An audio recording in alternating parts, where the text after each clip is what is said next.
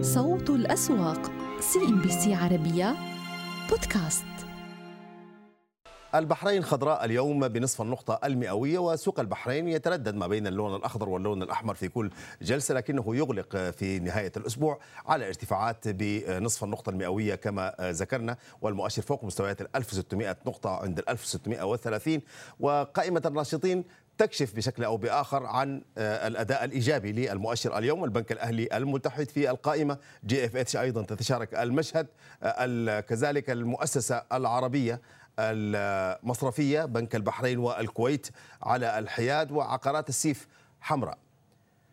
أكبر الرابحين في سوق البحرين اليوم البحرين أيضا لمطاحن الدقيق البحرين الوطنية المؤسسة العربية المصرفية و GFH وبنك البحرين الوطني. هذه هي الشركات الأكثر ربحية في سوق البحرين لهذا اليوم. كما ذكرنا يغلق على هذه الارتفاعات بنصف النقطة المئوية. إذا تتبعنا قائمة الخاسرين اليوم نجد عقارات السيف التي تشاركت أيضا قائمة الناشطين عليها ضغط بيعي واضح. Gulf Hotel أيضا من الشركات المتراجعة APM أيضا على تراجعات تيرم تراجعات في بورصة البحرين لهذا اليوم. سوق مسقط كما ذكرنا دائما تراجعا وعلوا هو محافظ على مستويات الأربعة آلاف نقطة لكن تراجعات اليوم كانت الأكثر حدة في تسعة أشهر في سوق مسقط وتراجعات حمراء قائمة الناشطين اليوم البنك الوطني العماني يتصدر هذا المشهد في قائمة الناشطين. كذلك مسقط للتمويل اليوم في الحياة بنك نزوة على ارتفاعات عمان فيست أيضا على تراجعات. يعني كل ذلك لم يشفع للمؤشر في أن يقفز إلى الأمام لكن ظل المؤشر محافظ على مستويات الأربعة ألاف نقطة رغم هذه التراجعات كما ذكرنا هي الأكثر حدة. في تسعة أشهر في سوق مسقط لهذا اليوم. إذا تتبعنا بقية القوائم وقائمة الرابحين في سوق مسقط لهذا اليوم نجد الوطنية لمنتجات الألمنيوم تتصدر المشهد المدينة للاستثمار أيضا خضراء اليوم في المركز الثالث البنك الوطني العماني من ضمن الشركات الأكثر ربحية المطاحن العمانية أيضا والسوادي للطاقة هذه هي الشركات الأكثر ربحية في سوق مسقط في جلسة اليوم جلسة نهاية الأسبوع. قائمة الخاسرين أيضا في سوق مسقط فيها الخليجية أيضا لإنتاج الفطر. كذلك نجد الخلية الدولية للكيماويات أسمنت عمان المتحدة للتمويل والعمانية للاتصالات. إلى ذلك شكلت سلطنة عمان تحالفا وطنيا للهيدروجين بهدف تأسيس صناعة لإنتاج ونقل واستخدام الوقود الذي تتطلع دول الخليج للاستثمار فيه بشكل متزايد لتلبية الطلب العالمي على الوقود النظيف.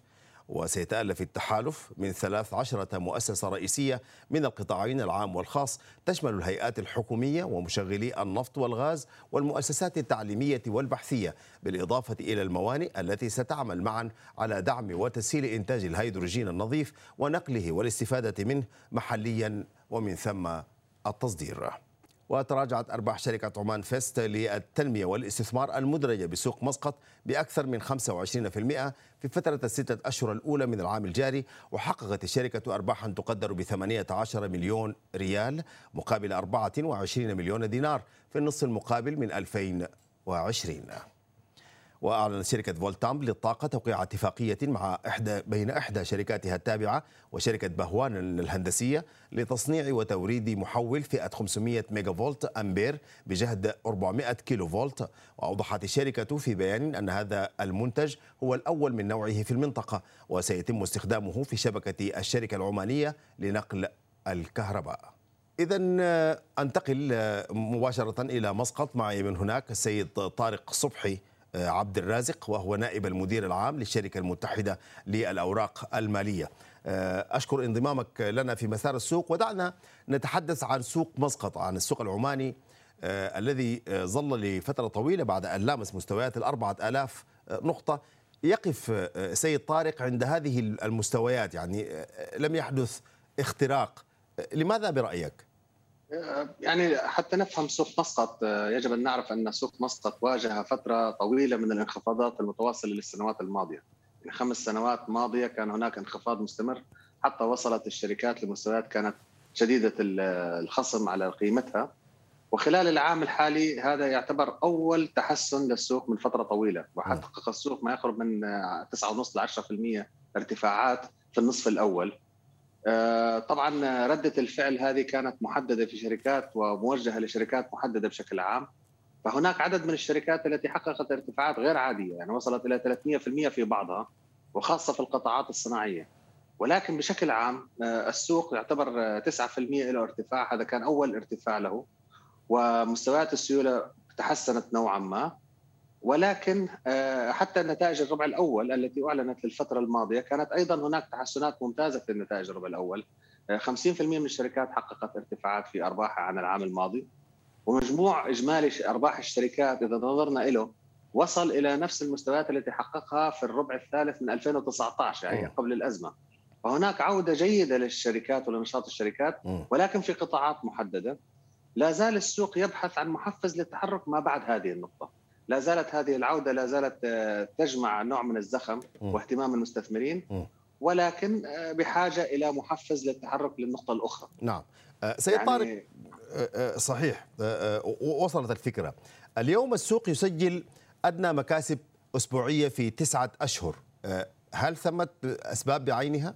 آه، اليوم ليس يوم مميز لهذا الانخفاضات ولكن آه، هي مرحلة التصحيح التي حدثت. آه، هي هناك نوع من جني الأرباح بدأ في نهاية شهر يوليو وليس في هذا الأشهر في أغسطس. يعني في شهر يوليو إذا نظرنا إلى حركة المؤشر وصل لمستويات 4150 وأعلى من 4150 والآن يستقر على 4000 فهو أنا أعتقد إنه هذا مستوى ال 4000 هو مستوى دعم للمؤشر حاليا والتراجع الذي حدث حدث في نهاية شهر يوليو مع بداية شهر أغسطس هناك نوع من الاستقرار. آه، ليس هناك محفز رئيسي لليوم للانخفاض ولكن بشكل عام الأحجام لا زالت ضمن المعتاد عليه للفترة الأخيرة. هي أفضل من العام الماضي ولكن لم تعد للمستويات المطلوبة بعد. آه، نطمح إنه هذه المشاركة تكون أكبر وبالتالي سنجد تحركات أو نقطة تحرك السوق لما بعد هذه النقطة ولكن في الوقت الحالي على المستويات الحالية لا زالت غير كافية لتحريك السوق. نعم. آه، هناك مشاركة واسعة من المؤسسات، نرى من المستثمرين هناك عدد من المؤسسات آه، في السوق لا زالت متواجدة. آه، هناك تواجد أجنبي وتواجد خليجي أيضا على التداولات اليومية على الرغم أن الاحصائيات تظهر هناك انخفاض في الاستثمارات الأجنبية والخارجيه ولكن. متواجدين بشكل يومي بالمضاربة اليومية ولكن لا يوجد تدفقات مستقرة لتساعد السوق على التحسن المستمر لا زال. نعم. فنحن في هذا انتظار هذا الزخم. وأعتقد أنه ممكن سيقدم يعني هذا الكلام. دعنا دعنا نتحدث عن آه، نتائج الشركات وعوامل الدعم الأخرى التي من الممكن أن يتلقاها السوق يعني في شكل قرارات حكومية ربما آه، تعديلات في داخل السوق نفسه. آه، ما هي طبيعة ذلك؟ يعني آه، السوق الآن أصبح بورصة تحول من سوق مسقط إلى بورصة مسقط. طبعا هذا التحول يحول شكل السوق إلى جهة آه، شبه شركة خاصة. وبالتالي يفترض أن نجد أن هناك نوع من التفاعل مختلف من الجهات المشرفة على السوق في تسويق السوق وفي تحريك السوق في جذب استثمارات جديدة للسوق. هذا الزخم لا زال آه، طور أن ننتظر نرى ماذا ممكن أن يحدث. خلال بداية العام حدث هذا التغيير. والآن لا زالت الإدارة جديدة الموجودة حاليا ولكن أي تحركات منها ستظهر خلال الفترة القادمة. بالإضافة إن إحنا مررنا في فترة الكوفيد طبعا آه، سلطنة عمان أخذت إجراءات متشددة في محاولة السيطرة على المرض وكان له تأثير نوعا ما على الاقتصاد لمرحلة ما. ولكن الآن خلال العام الحالي كان هناك عدد كبير من القرارات والتعديلات جزء منها من خطة التوازن التي طلبت من تخفيض المصاريف وتخفيض كلفة الموازنة. يفترض أن هذه الإجراءات تبدأ أن تظهر نوعا ما على الاقتصاد في الفترة القادمة خاصة مع ارتفاع البترول لمستويات السبعين. آه، نجحت السلطنة في تخفيض تكلفة التوازن بالنسبة للبترول من 114 إلى 70 وبالتالي هناك استقرار في الموازنة العامة. هذه الأمور يجب أن تبدأ التفاعل في النصف الآخر من العام الحالي أو على الأقل بداية العام القادم. آه، المجتمع المحلي مجتمع المستثمرين المحلي يراقب هذا الموضوع باهتمام ووجدنا من عودة بعض المستثمرين الذين كانوا بعيدين عن السوق بالفترة الماضية خلال الخمس سنوات الماضية لأن هناك عودة من النوع من الاهتمام ولكن ترجمتها على أرض الواقع آه، هذه ستكون المحفز القادم. آه، غني عن التعريف إنه أيضا القطاع الصناعي في السلطنة آه، نجح بالفترة الأخيرة أن يثبت انه له وجود ربما لضعف خطوط الإمداد أو الأغراق التي كان يحدث من الأسواق الأخرى. ولكن نوعا ما السوق بدأ يحتوي الأزمة بشكل عام. ولكن ننتظر الخروج بالنمو وهذا الذي ما ينتظره السوق. أن نرى الحركات النمو نرى عودة للمستثمرين نرى نرى عودة للقطاع الخاص. آه، تحسن في نتاج شركات الاتصالات لأنها تعكس آه، وجود الناس في البلد وحجم الزخم الموجود. هذا الأمور لا زالت لا زلنا في انتظارها يعني لا زلنا نرى ماذا ممكن أن يحدث خلال الفترة القادمة. أنا أشكرك السيد طارق صبحي عبد الرازق وأنت نائب المدير العام للشركة المتحدة للأوراق المالية. كنت معنا من مسقط. صوت الأسواق CNBC عربية بودكاست. إذا ارتفاعات طفيفة لا تذكر في المؤشرات القطرية بأقل من 10 نقطة المئوية. نتحدث عن 10900 نقطة. على كل المؤشر محافظ فقط على هذه المستويات لكنه لم يحرز تقدم يذكر خاصة أن هذه جلسة صادفت نهاية الأسبوع حيث آه، أنها جلسة آه، ذات خصوصية فيها نوع من الترقب والحذر. قائمة الناشطين تعكس بجلاء حجم الأزمة آه، كلها حمراء متراجعة الاستثمار القابض السلام مزايا بنك قطر الأول وقامكو لعلها ذات الشركات التي تتبادل المراكز في هذه القائمة لكن دون تسجيل نقاط إيجابية وبالتالي ينعكس ذلك على هذا الارتفاع الطفيف الذي يطرأ على المؤشر والذي نستطيع أن نقول بأنه متماسك فقط على أقل تقدير دون إحراز تقدم يذكر. أيضا في قائمة الرابحين نتابع في المؤشرات القطرية اليوم مجمع المناعي آه، في المقدمة مقدام هذا القادم الجديد آه، نسبيا إلى البورصة أيضا يعود إلى المربعات الخضراء آه، بعد أن تراجع تراجعات لافتة. الخليه الدولية للخدمات خضراء في قائمة الناشطين كيو إل إم أيضا هذا قادم جديد نسبيا في قطاع التأمين. وبنك الدوحة أيضا يدعم المؤشر بشكل أو بآخر.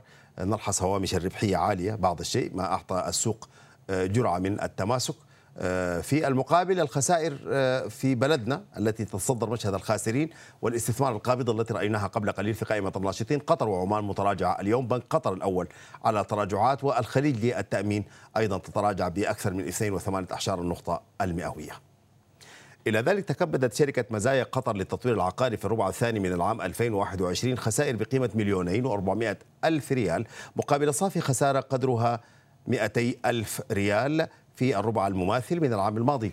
وتراجعت أرباح الشركة بنهاية النصف الأول بنسبة 31% على أساس سنوي إلى 4 ملايين و600 ألف ريال بتأثير من تجنيب مخصص انخفاض قيمة استثمارات بحدود مليون ونصف المليون ريال إلى جانب ارتفاع تكاليف التمويل بنسبة 50% وصولا إلى 25 مليون و300 ألف ريال.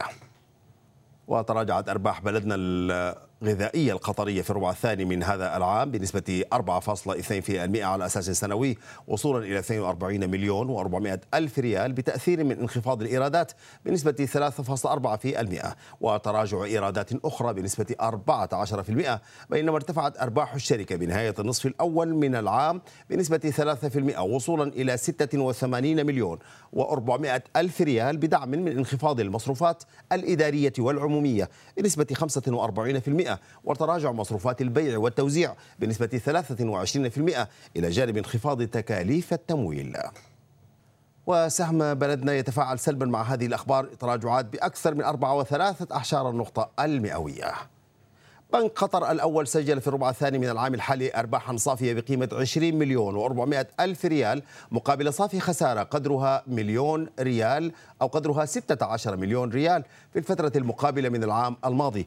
وتحول البنك إلى الربحية في النصف الأول مسجلا 41 مليون ريال مقابل صافي خسارة بقيمة 207 ملايين ريال في الفترة المقابلة. ودعم تحول البنك للربحية تسجيل ربح بمقدار مليون ونصف المليون ريال ناتجة عن إعادة تقييم استثمارات بالقيمة العادلة إضافة إلى زيادة الدخل بنسبة 9% وانخفاض إجمالي المصروفات ب 35% وأوصى مجلس الإدارة بزيادة رأس المال من خلال إصدار 420 مليون سهم جديد خلال النصف الثاني من هذا العام. وسهم بنك قطر الأول يتراجع ب 2.8 النقطة المئوية. مباشرة إلى الزميل معمر عواد في الدوحة للحديث عن أداء هذا اليوم. آه، معمر أسعد الله أوقاتك. يعني لا جديد آه، بطبيعة الحال المؤشر آه، يقبع في محطة ال 10900 نقطة. لكن الجديد هو ارتفاع في السيولة معمر. لا هذه واحدة من الإشكالية حقيقة كنت أريد أن أنبه إليها. بتشوف أمامك 2 مليارين و169 مليون تقريبا. لا هدول منهم مليار و670 مليون هي عبارة عن تداول صكوك وسندات. مم. تقريبا قيمة التداولات في هذه الجلسة حدود 500 مليون ريال قطري فقط للتوضيح والتنبيه.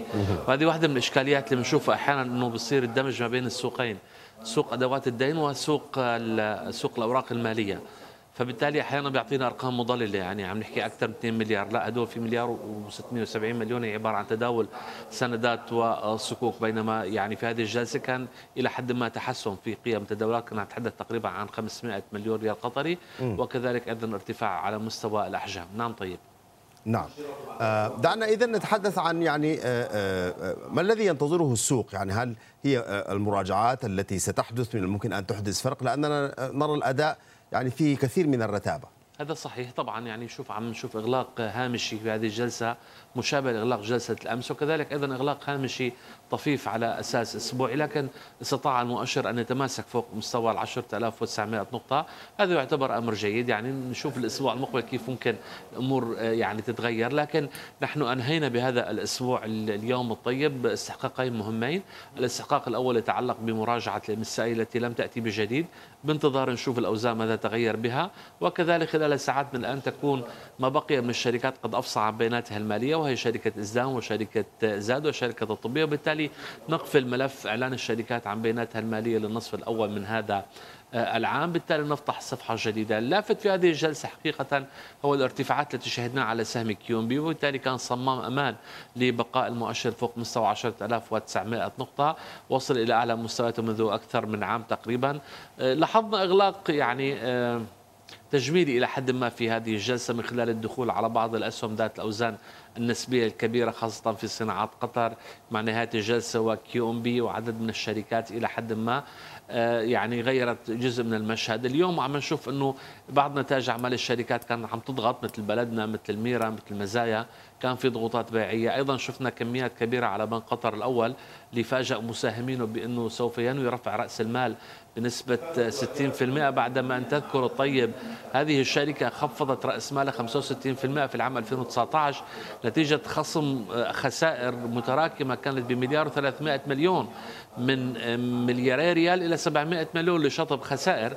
وبالتالي حتى الآن رغم أرباح هذه الشركة اللي شفناها يعني مع نهاية النصف الأول 41 مليون ما تزال طيب هذه الشركة خسائرها من رأس المال 26% فبالتالي كان مفاجأة للمساهمين بأنه الشركة تنوي رفع رأس المال بعدما 60% بعد أن خفضته 65% في العام 2000 و في العام 2019 لإطفاء خسائر. فبالتالي حتى الآن الشركة من خسائرها من رأس المال الجديد 26% فبالتالي أيضا لم توضح الشركة ومجلس الاداره ما هي الأسباب الموجبة لرفع رأس المال وما هي الأسعار وما هي الآلية. لكن قالت بأنه هذا يحتاج إلى موافقة الجهات التنظيمية. فقط نشير بان الجهات التنظيمية ليست مصرف قطر المركزي لأنه ترخيص هذه الشركة يتبع هيئة تنظيم مركز قطر للمال وهو هو يختلف عن بقية البنوك العاملة والمدرجة في بورصة قطر. لذلك شفنا اليوم كان في ترافيك كان في تداولات على سهم بنك قطر الأول وكان أيضا دخلت المضاربات عليه على خلفية هذا الخبر أيضا. نعم. عطفا على نتائج الشركات معمر. يعني نلحظ أن الاستجابة للنتائج السلبية للشركات تكون كبيرة في حين أن هناك شركات يعني جاءت بنتائج إيجابية لكن لم نلحظ لذلك أثر في البورصة. يعني ملاحظة مهمة وهذا ما لاحظناه بشركة صناعة قطر أرباح قياسية وتاريخية بالنسبة للشركة أفضل متوسط التوقعات شفنا ردة الفعل كانت باردة تجاه هذا السهم. لكن عم نشوف أنه يعني تراجع الإيرادات بالنسبة لشركة بلدنا كان في ضغط بيع عليه. كذلك أيضا تراجع المبيعات بالنسبة للميرا أثر على السهم. الخسائر اللي شفناها بالربع الأول بالنسبة لشركة مزايا أيضا أثرت في ضغط بيع عليه. لكن شفنا إنه إلى حد ما تفاعل إيجابي شفناه مع بنك قطر الأول. وقطر وعمان كانت يعني نسبة الأرباح كانت متواضعة بشكل عام. طبعا نتائج اليوم لنشوف تاثيرها يوم في جلسة يوم الأحد مقبل خاصة شركة إزدان يعني كونها شركة قيادية في القطاع العقاري. ولنشوف الطبية ما الذي سوف تفعله علما أنه خسارة من رأس المال كما ذكرنا وأسفنا يفوق ال 115% هل سوف يعني تحاول أن تقلص تلك الخسائر من خلال أرباح جديدة هذا ما سوف يعني تفصى عنه الساعات المقبلة. شكرا جزيلا لك معمر عواد. عطلة نهاية أسبوع سعيدة كنت معنا من الدوحة. طيب. والمؤشرات الكويتية لعلها تبقى الوحيدة آه، التي لم تغير رأيها لا زالت تبدي كثير من التماسك. آه، مؤشر الكويت الأول على ارتفاعات آه، رغم أنها طفيفة لا تذكر لكنها في المربعات الخضراء مؤشر الكويت العام ومؤشر الكويت الأول أيضا على ارتفاعات. الرئيس متراجع لكن المؤشر العام الكويتي يسجل أعلى إغلاق أسبوعي على الإطلاق. وكنا قد شهدنا أيضا المؤشر الأول قبله قد وصل إلى هذه النقاط. فيما يتعلق بأبرز الناشطين في جلسة اليوم في السوق الكويتي نجد وطنية تتصدر المشهد باللون الأخضر البيت أيضا على تراجعات ضغوط بيعية على مزايا أيضا عقارات الكويت خضراء والأهلي المتحد أيضا في المربع الأخضر. صوت الأسواق CNBC عربية بودكاست. أداء متباين بالنسبة للمؤشرات السعودية نهاية جلسة اليوم حافظنا على مستوى ال 11323 نقطة بالنسبة للتاسي لتنتهي فترة المزاد على تحركات هامشية مائلة إلى التراجع والسوق الموازي اكتسب قرابة 18 النقطة المئوية. شهدنا اليوم بالسوق يعني السيولة عادت لتقفز فوق 8 مليار و540 مليون وكان في عدد من الأسهم اللي كانت داعمة من بداية الجلسة وحتى نهايتها تحديدا سهم الراجحي اللي عم بيواصل رحلة الصعود ضمن القياديات لأعلى سعر منذ 2006 لكن اليوم واضح أنه قطاع التمويل والاستثمار عاد ليضغط على السوق بتراجعات تفوق الواحد في المئة. سهم الراجحي اخترق اليوم خلال الجلسة 121 ريال. بقيت المكاسب بحدود 1.13 نقطة المئوية. استقرار على سابق عن 122 80 البنك الأهلي كذلك على استقرار. جبل عمر على التراجعات وأرامكو السعودية عم بيتراجع بقرابة عشر النقطة المئوية. عموما يمكن قطاع الطاقة اليوم شهدناه أيضا ضمن القطاعات اللي كان عليها بعض التحركات مع عودة أسعار النفط كانت التقطت الأنفاس نوعا ما لكن الآن تعود للتراجعات من جديد بعد تقرير وكالة الطاقة التي توقعت انخفاض نمو الطلب على النفط حتى نهاية هذا العام وتوقعت أن يكون في فائض مع بداية عام 2022 طبعا إذا ما قامت أوبك بلس والتزمت بعملية التخفيضات التي تحدثت عنها. اليوم المواد الأساسية يتراجع التأمين مستمر بعمليات جني الأرباح لثلاث جلسات متتالية يخسر واحد وربعي النقطة المئوية. واتجهت اليوم المكاسب الأكبر بالنسبة للسوق على عدد من الأسهم. الارتفاعات على الأكثر ارتفاعا. هنا نتحدث على بنان السهم الوافد الجديد إلى السوق الموازية البنيان عفوا. هنا نتحدث ب 30% الصعود التطوير الغذائية بحر العرب عطاء التعليمية عم بيضيف أكثر من 3% وكهرباء السعودية كان داعم بالنسبة لتحركات السوق بصعود 3% لمستويات 26 95 هللة. وكان طبعا أكبر صافي حجم اتجه لسهم الكهرباء اليوم. لدينا أيضا اليمامة للحديث الحديد بعض النتائج التي آه، ذكرتها الشركة عليه بعض التحركات الإيجابية. إسمنت المنطقة الجنوبية يتصدر قائمة التراجعات الأكبر اليوم بأكثر من أربعة في المئة وسمعنا التصريحات للرئيس التنفيذي طبعا حول تشغيل آه، خط جيزان بعد ثلاث سنوات.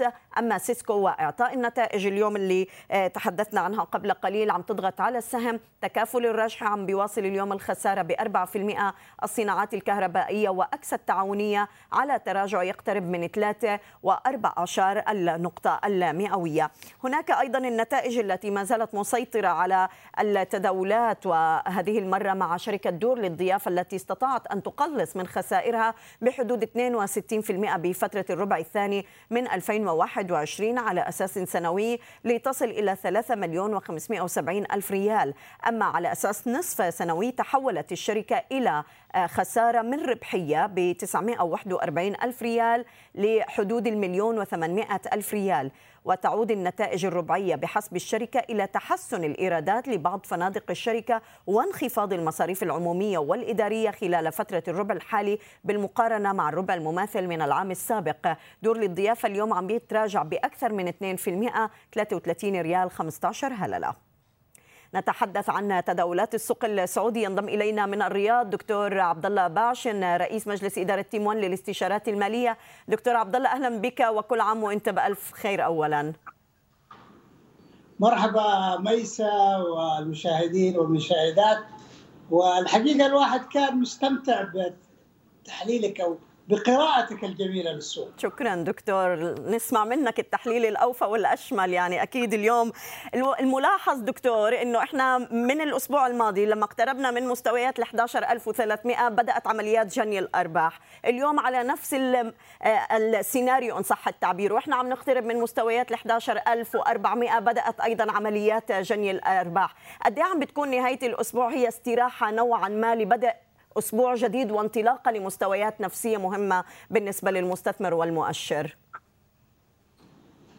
آه بسم الله الرحمن الرحيم لا ما أعتقد انه نهاية الأسبوع أو متوسط الأسبوع هو ذات الأثر الكبير آه لكن الأثر الحقيقة لو لاحظتي في خلال الآن إحنا في. تقريبا في متوسط الربع الثالث أول حاجة لو أخذت المؤشر من بداية العام إلى الآن ستجد الزخم في الربع الأول كان حوالي 14% ثم بدأ إلى 11% الآن الربع الثالث يتوقع أن لا يتعدى الأربعة أو الخمسة في المية ويمكن أنت أشرت إلى سعر النفط.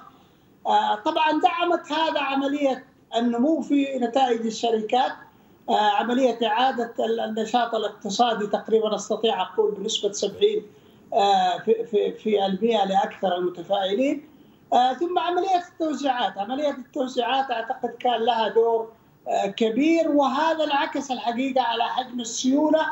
وهنا بالنسبة للأخوان المتداولين سواء كان متداول متاجر أو متداول استثمار يعتمد مدى احتفاظه بالنقد أو الكاش في المحفظة، فانخفضت الحقيقة من الاحتفاظ بين 20 إلى 25 إلى يمكن الآن 10 في في المية نعم. من الآثار يمكن إنه بالامس تم عملية إعادة النظر في الأسواق الناشئه وكانت المملكة تأخذ نصيب 2.94 وانخفضت إلى 2.92 يعني انخفاض بسيط وبالتالي لم يتم هناك أي تغيير بس أخذت الحقيقة الريادة الشركات الصينية والكورية وواحدة من هونغ كونغ. وبالتالي هذا كذلك قد يؤثر على تدفقات السيولة بحوالي يمكن 40 مليون دولار. نعم.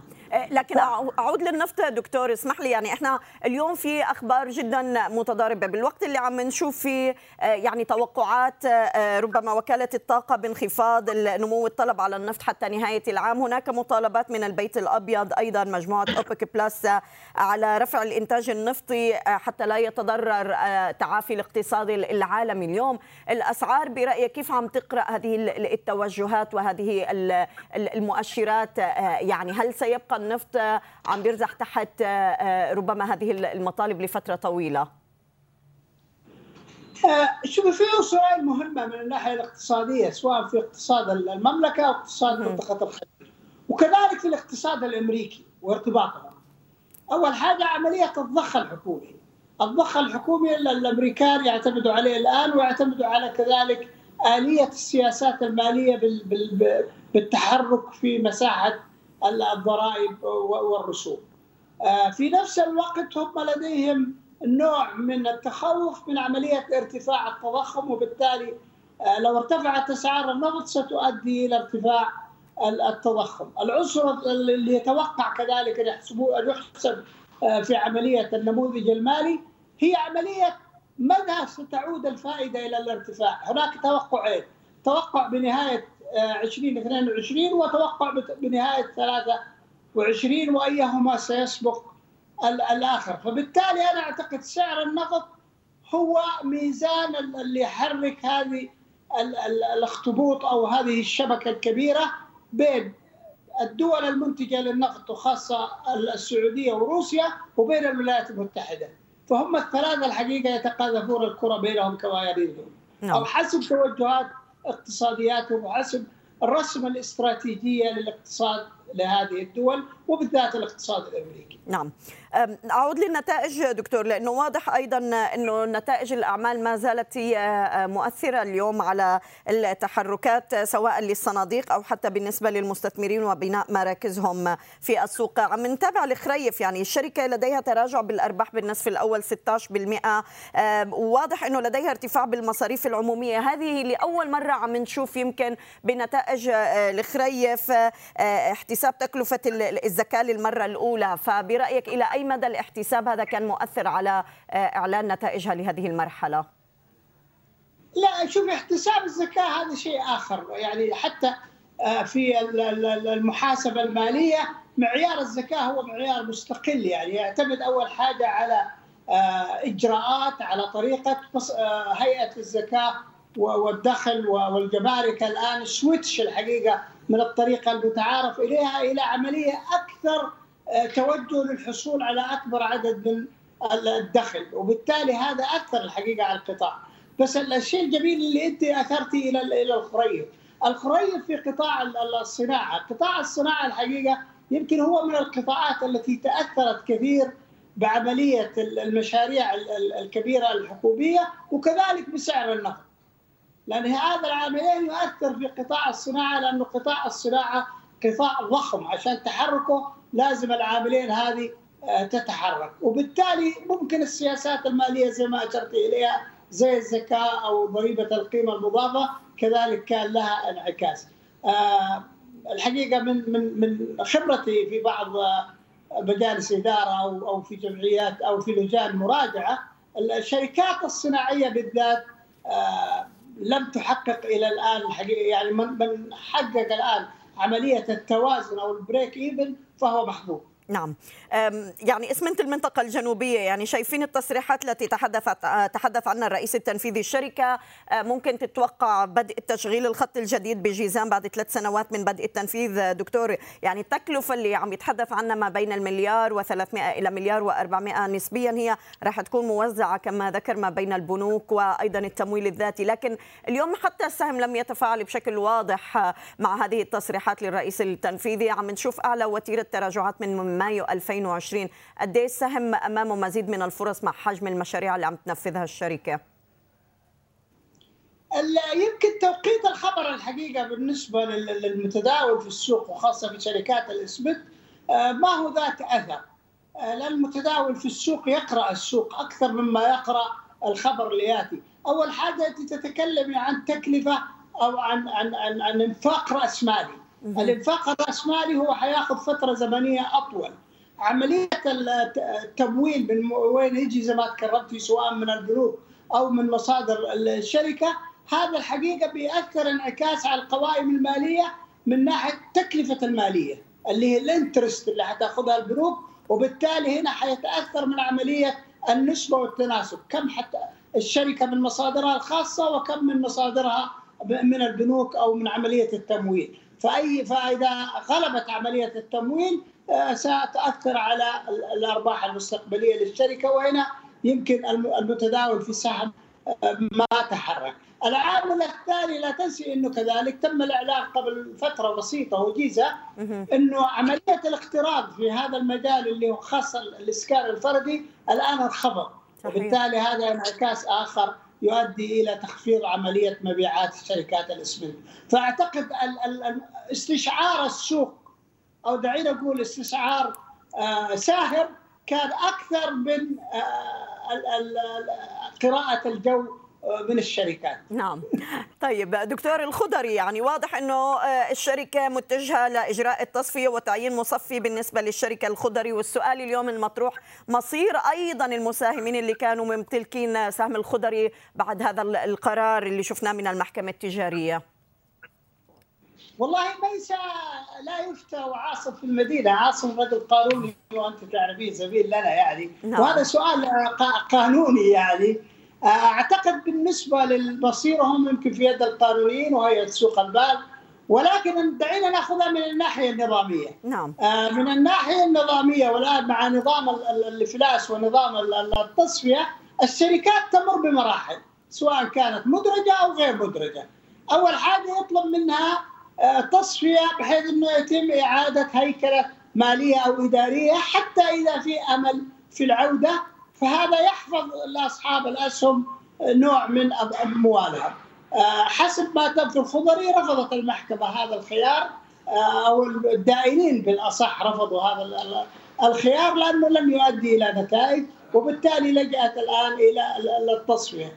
التصفية حسب نظام التصفية في أولويات، الأولويات أول حاجة طبعا آه للدائنين للبنوك واي التزامات ثم بعد كذا لحامل الأسهم. نعم. أعتقد هذه يتعلم فيها من يحمل أسهم معينة آه أن ينظر إلى الشركة أي شركة كانت إلى إدارتها إلى مجالها إلى القطاع نفسه. الآن التغيرات أصبحت الحقيقة ليس اللوم على الشركات. نعم. 100% آه اللوم كذلك على الاقتصاد. الاقتصاد يتغير. يعني الآن ترى التوجه في السوق هو في في قطاع البنوك يمكن أكثر يمكن في قطاع التشييد والبناء زي ما تكرمتي وخاصة توقع انه نعم. تكون مشاريع كثيرة. لكن القطاع الأخرى ما أعتقد ذات اثر نشكرك دكتور عبد الله باشن رئيس مجلس إدارة Team One للاستشارات المالية. كنت معنا من الرياض. شكرا على كل هذه التفاصيل. شكرا. صوت الأسواق CNBC عربية بودكاست.